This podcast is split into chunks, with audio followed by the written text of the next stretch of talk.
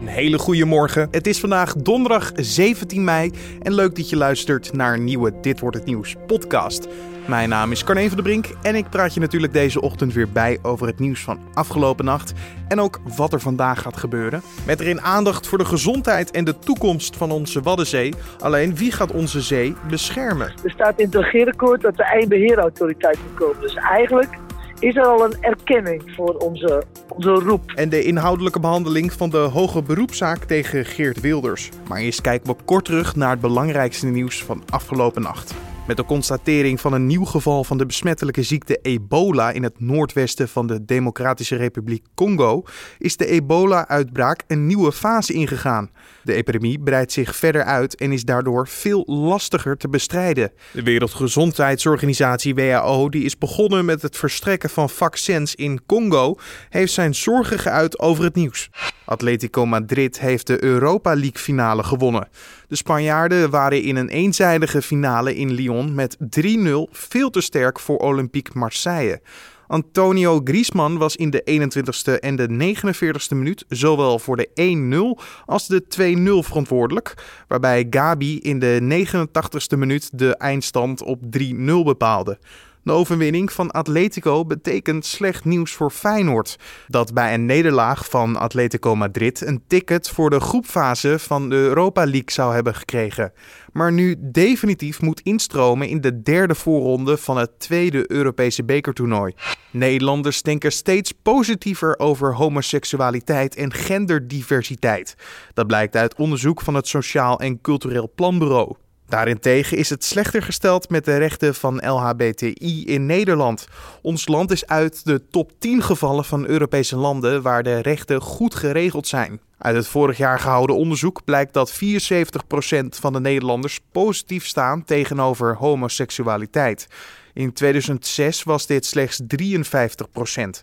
Ook het aantal Nederlanders dat positief denkt over transgender personen stijgt iets van 45% in 2012 naar 57% in 2007. En dan kijken we naar de dag van vandaag, oftewel, dit wordt het nieuws.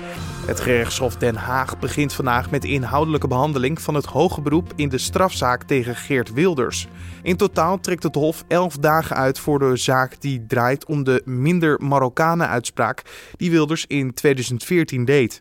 Waarom duurt deze zaak zo lang? Je hoort rechtbankverslaggever Joris Peters. Nou, in eerste instantie, het, het was um, juridisch gezien al een, een moeilijke zaak. Uh, er zijn na zijn uitspraak in uh, twee maal eigenlijk, hè, twee keer zijn uitspraak in maart 2014 zijn er bijna uh, 6500 aangiften gedaan. Nou, die moesten eerst allemaal worden doorgenomen en worden bekeken. Dus dat kost al heel veel tijd. En verder was het gewoon juridisch een lastige zaak, heeft het Openbaar Ministerie gezegd. Ja. En daardoor is er, hadden ze veel tijd nodig. Nou, tel daarbij op dat er nu dus een hoger beroep gaande is, dan moet, dat, dan moet veel van dat, van dat proces moet weer opnieuw. Uh, dat kost tijd. Dus op zich, het is lang, ja, maar niet relatief veel of zo. Waar gaan ze naar kijken? Welke vragen moeten beantwoord worden bij dit hoger beroep? Nee, dit telt de vragen uiteraard die in eerste instantie beantwoord moesten worden. En dat, uh, dat gaat om, uh, hebben we het hier over ras? En gaat het, gaat het hier om uitspraken die een politicus sowieso mag doen? En wat ik daarmee bedoel is natuurlijk van... Politici hebben, hebben al meer vrijheid dan andere mensen om bepaalde uitspraken te doen. Ja. Uh, dus daar gaat hier worden naar gekeken. Is hij binnen zijn perken gebleven van zijn vrijheid als politicus.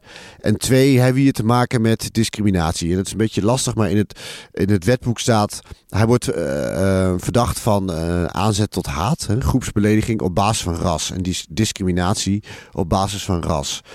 zo staat ook in het wetboek, nou zeggen deskundigen, die ook aan het woord zullen komen... Marokkanen, dat, dat is geen ras. Snap je? Dus dat, dat, dat valt niet Het om. gaat al om, door dat soort, om dat soort terminologie. Zeker, ja. Maar het Openbaar Ministerie zegt er weer tegen nee, het begrip ras in het wetboek, dat moet uh, juridisch breder worden gezien als je ra ras in een, uh, ik zeg maar zeggen, in de encyclopedie. Eh, dat is niet, uh, niet hetzelfde. En, en, in het wetboek valt daar ook onder huidskleur, etniciteit, afkomst en zo. En daarom zeggen ze nee, die uitspraken die Wilders nu heeft gedaan, vallen ook onder discriminatie op basis van ras. En aanzetten tot haat of groepsbelediging op basis van ras. En je zei het net al, deskundigen, die, de, eh, er komen er drie die aangesteld zijn door het Hof, als ik het goed heb, die gehoord moeten worden. Ja. Dit wordt hun rol dan ook om hier duidelijkheid over te geven? Ja, klopt. Het zijn twee deskundigen die zijn aangewezen, uh, of die, die zijn toegelaten op verzoek van de verdediging, dus uh, van, uh, van, van Wilders. die zullen, nou, nou, ja, dan gaan pleiten dat, dat, dat het Marokkanen geen ras is. Hè? Dus dat, dat hier niet sprake is van een strafbaar feit. Uh, en er is ook nog een andere deskundige en die gaat dan weer over dat debat spreken. Van goh, mag, wat mag een politicus zeggen? Is niet gewoon een onderdeel van een maatschappelijk debat wat hier heeft ja. plaatsgevonden in maart. Wat is grijs gebied en wat is ver over de lijn? Ja, precies ja. En, uh, en die derde deskundige, dat is weer, die is weer aangewezen door het Hof zelf. Dus dat, die kan je zien als een onafhankelijk. Niet dat die andere mensen niet onafhankelijk zijn, maar die praten natuurlijk in het wat, wat Wilders ook vindt. En deze deskundige is door het Hof aangewezen en die gaat ook maar zeggen van wat hij ervan vindt. Waardoor je gewoon een gewoon uh, beoordeel kan maken als gerechtshof. Wat kunnen we van Wilders eigenlijk zelf verwachten? D dat weet u natuurlijk nooit. Maar ik denk dat Wilders dezelfde lijn gaat doortrekken als hij bij de rechtbank deed. En dat is dat hij niet aanwezig is, maar dat hij zijn aanwezigheid wel zal laten gelden via Twitter. Uh, dat deed hij de vorige keer ook heel erg. En dat hij mogelijk rond de uitspraak, dan heeft hij altijd de kans op het laatste woord. Dat, uh, dat heeft hij de vorige keer ook uitgebreid genomen. En dat zal hij mogelijk nu weer doen. Via Twitter, uh, wordt daar verder nog iets mee gedaan in de zaal? Of is dat echt alleen maar voor de publieke opinie? Nou, de, de, de rechter maakte daar vorige keer wel een opmerking over dat, uh, dat, uh, dat, dat Wilders zich als een politicus onwaardig had gedragen. Um, dus ja, dat, dat, dat zijpelt wel door in zo'n in zo'n rechtbank. Iedereen heeft natuurlijk ja, sociale media, dus dat hoort wel, maar dat, dat wordt niet uh, als zodanig behandeld of zo. Dan Wilders zegt dat de zaak tegen hem een persoonlijke kwestie is en dat andere politici niet worden vervolgd voor hun uitspraken. Zo stelde D66er uh, Alexander Pechtold bijvoorbeeld dat hij de eerste Rus nog moet tegenkomen die zijn fouten zelf rechtzet. En daarop wilde Wilders weer uitstel om te kijken of de OM ook Pechtold zou vervolgen. Zien we daar tijdens dit proces nog iets van terug? Nou, ik denk dat, dat de verdediging zelf dat wel weer gaat aanhalen. Uh, de, de, de, inderdaad, Wilders heeft heel erg het gevoel dat, hij, dat het hier om een persoonlijke kwestie gaat. Dat het Openbaar Ministerie doelgericht op hem is gaan jagen. Um, dat is ook een van de redenen waarom die aangifte en zo, hoe, dat, hoe die tot stand zijn gekomen, dat gaat ook weer onderzocht worden. Zodat die twijfel uh, weg kan worden genomen. Ja. Um, uh, maar inderdaad, dat zal wel weer naar voren komen. Dat zijn ooit uh, uitspraken gedaan ook door, door Diederik Samson en Hans Spekman over Marokkanen. Die zijn daar ook niet voor vervolgd. En, en Wilders zegt daarover van, ik zeg minder Marokkanen en ik word wel vervolgd. En, uh, hij doet zij... alsof hij dus oneerlijk wordt behandeld. Ja. Zeker, zeker. Ja, hij heeft het heel erg gevoel dat dit een, een persoonlijke kwestie is. En dat zal hij uh, denk ik ook wel weer laten blijken, dit proces via Twitter, dan wel in zijn laatste woord als hij dat neemt. U hoorde rechtbankverslaggever Joris Peters. De Waddenvereniging publiceerde woensdag een stevig rapport over de staat van de Waddenzee. Zoals het nu gaat, zal de vogelstand afnemen en ook voor sommige vissen ziet de toekomst er niet rooskleurig uit. Daarom moet er snel één beheerder van het Nederlands deel van de zee worden aangesteld. Collega Julian Dom sprak met Lut Jacobi, directeur van de Waddenvereniging, en vroeg hoeveel beheerders er op dit moment eigenlijk zijn. Er zijn in totaal 13, uh, variërend van provincies, drie ministeries, gemeenten. En ook uh, voor sommige aspecten heb je ook nog uh, waterschap, als het gaat om een deel van de dijken. Uh, waar het eigenlijk ja, al heel lang is, speelt dit. Hè? Het is dat ja, iedereen zit op zijn eigen stukje. Ja. Met alle respect voor iedereen. Maar uh, de samenhang, de dingen, want het gaat hier natuurlijk over ja, het leven onder water vooral. Hè? Als je gewoon als uh, mens uh, komt genieten van de Waddenzee, dan denk je, oh, dit is mooi. Rustruimte, wijdheid. Maar het onderwaterleven, maar ook nog eens een keer zeg maar het complexe ervan door de uh, opwarming van de aarde, door zandsuppleties, door uh, ja, de, de, de vervuiling, de industrie die jaar op jaar ook toeneemt langs, langs de wadden. is er over het geheel, zeg maar, is nooit, is nooit één, één regie, maar is ook niet een samenhangend uh, ge, ge, gebied van kennis waarvan ze zeggen ja, maar als Maar je... betekent dat dat die op verschillende beheerders dan nu als het ware met elkaar, om het even grof te zeggen, een beetje aanklooien omdat ze niet rekening houden met elkaar? Nou, nee, ik denk dat gewoon echt in het systeem, maar welk voorbeeld ik ook noem, het gaat eigenlijk om dat er een gebrek aan samenhang in zit. de, de, provincie is verantwoordelijk voor, ik noem het, voor, voor de vergunning voor de kokkenvisserij de ministerie voor uh, andere vormen van visserij. En betekent dat dat het op dit moment dan een doemscenario is voor de Waddenzee als we op deze manier nou, door blijven het is, gaan? Het is allemaal, ja, dat, dat is zeker een doemscenario.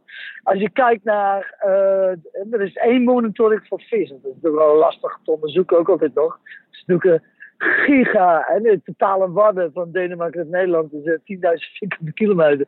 Om daar goed onderzoek te doen naar de de, flora en fauna onder water en zo is heus niet makkelijk.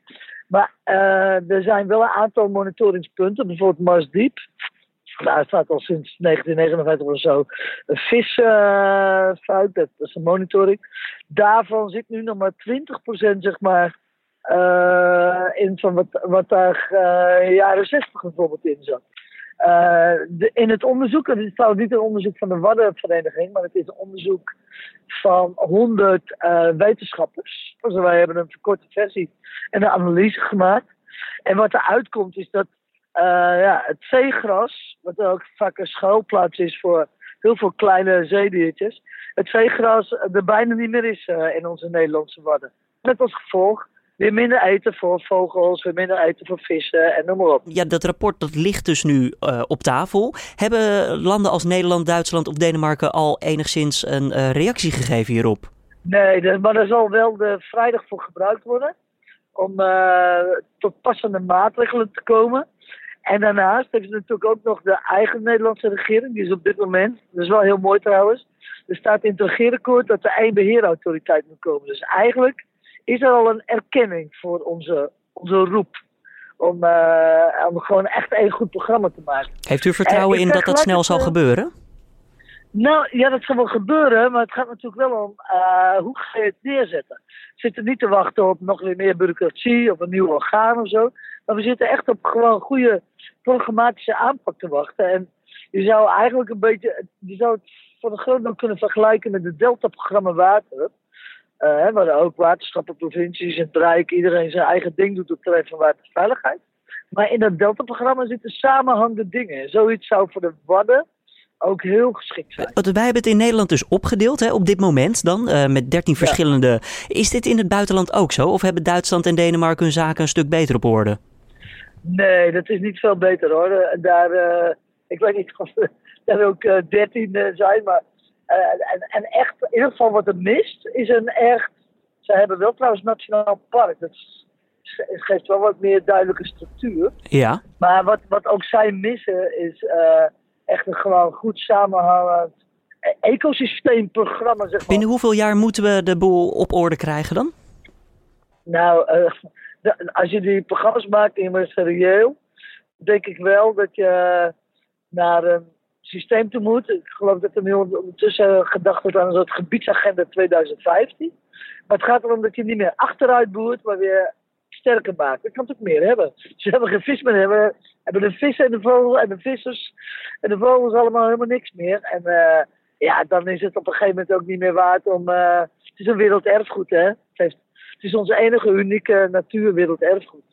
En dan moet je gewoon uh, investeren en dan moet je goed oppassen. Lut Jacobi hoorde je van de Waddenvereniging. Later vandaag begint de Waddenconferentie tussen Nederland, Duitsland en Denemarken.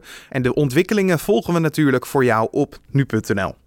En dit gebeurt er verder vandaag nog. De twaalfde etappe van de Giro d'Italia gaat over 214 kilometer van Osimo naar Imola en is bijna geheel vlak. De rit eindigt waarschijnlijk met een massasprint terwijl titelverdediger Tom Dumoulin in het peloton kan blijven. De Nederlander staat tweede in het algemeen klassement met 47 seconden achterstand op de Britse roze truidrager Simon Yates. En dan kijken we waar onze collega's vandaag over schrijven. Burgemeesters van de grote steden zijn teleurgesteld met het aantal extra agenten die ze krijgen van het kabinet. De grote steden hebben veel meer agenten nodig voor de veiligheid en liggen met het kabinet in de clinch. Zo schrijft de Telegraaf vandaag die geheime documenten in bezit zegt te hebben. Uit de nu nog geheime cijfers zou blijken dat door investeringen van het kabinet er in totaal 1111 voltijdbanen bij de politie bijkomen tot 2023.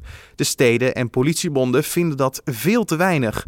Zo stelt de Amsterdamse politie 500 extra agenten nodig te hebben, maar krijgt het van het kabinet 59,9 voltijdbanen erbij. De familie van de 31-jarige Malik F., die in Den Haag drie mensen neerstak, vroeg GGZ-instellingen Parnassia meerdere malen tevergeefs om hulp. De man ontwikkelde paranoïde gedachtes en de familie wil Parnassia voor de rechter slepen, meldt het AD vandaag. Volgens de familie is de GGZ-instelling verantwoordelijk voor het toebrengen van zwaar lichamelijk letsel aan de slachtoffers en aan de dader. En dan nog even het weer van vandaag. Je kan je paraplu thuis laten, maar ik zou zeker je jas meenemen. Want vooral in het noorden is er veel bewolking en verder naar het zuiden komt de zon meer aan bod.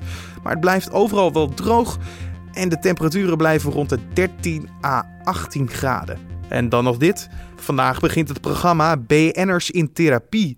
Aan de show doen onder meer Patty Bart, Javier Guzman en vlogger Ismaël Ilgun mee. Maar ook Patricia Pai gaat voor de ogen van Nederland in therapie. Lara Zevenberg van onze entertainmentredactie praatte alvast met Pai en vroeg of ze eerder al in therapie is geweest. Ja, ik ben al eerder uh, voor dit, in het begin van het jaar, bij een, een soort life coach ook psycholoog um, geweest om de kwaadheid een beetje weg te krijgen. Ik ben zo kwaad op iedereen. En dat is niets voor mij. En uh, dat heeft wel geholpen. Dus ik heb, ik heb al een soort voorprogramma gehad. Maar desalniettemin dacht ik toch, ik ga aan dit programma meedoen. Om nog wat andere dingen misschien te kunnen vertellen. Maar ik zag het gewoon als een soort heel diepgaand interview. Patricia Pai hoorde je in gesprek met Lara Zevenberg. En vanavond om half negen kan je kijken naar BN'ers in therapie op RTL 5. Dit was dan de Dit Wordt Het Nieuws podcast voor deze donderdag 17 mei. Je vindt de Dit Wordt Het Nieuws podcast natuurlijk elke maandag tot en met vrijdag om 6 uur ochtends op de voorpagina van nu.nl via je desbetreffende podcast app zoals iTunes, Spotify of een andere Android app zoals Stitcher of eventueel uh, Podcast Addict. Laat ons ook weten wat je van de podcast vindt via een mailtje naar redactie.nu.nl en ook via recensie op iTunes. Zo help je namelijk de podcast beter te worden voor jezelf, maar ook voor anderen. Voor nu wens ik je een mooie dag en natuurlijk tot morgen.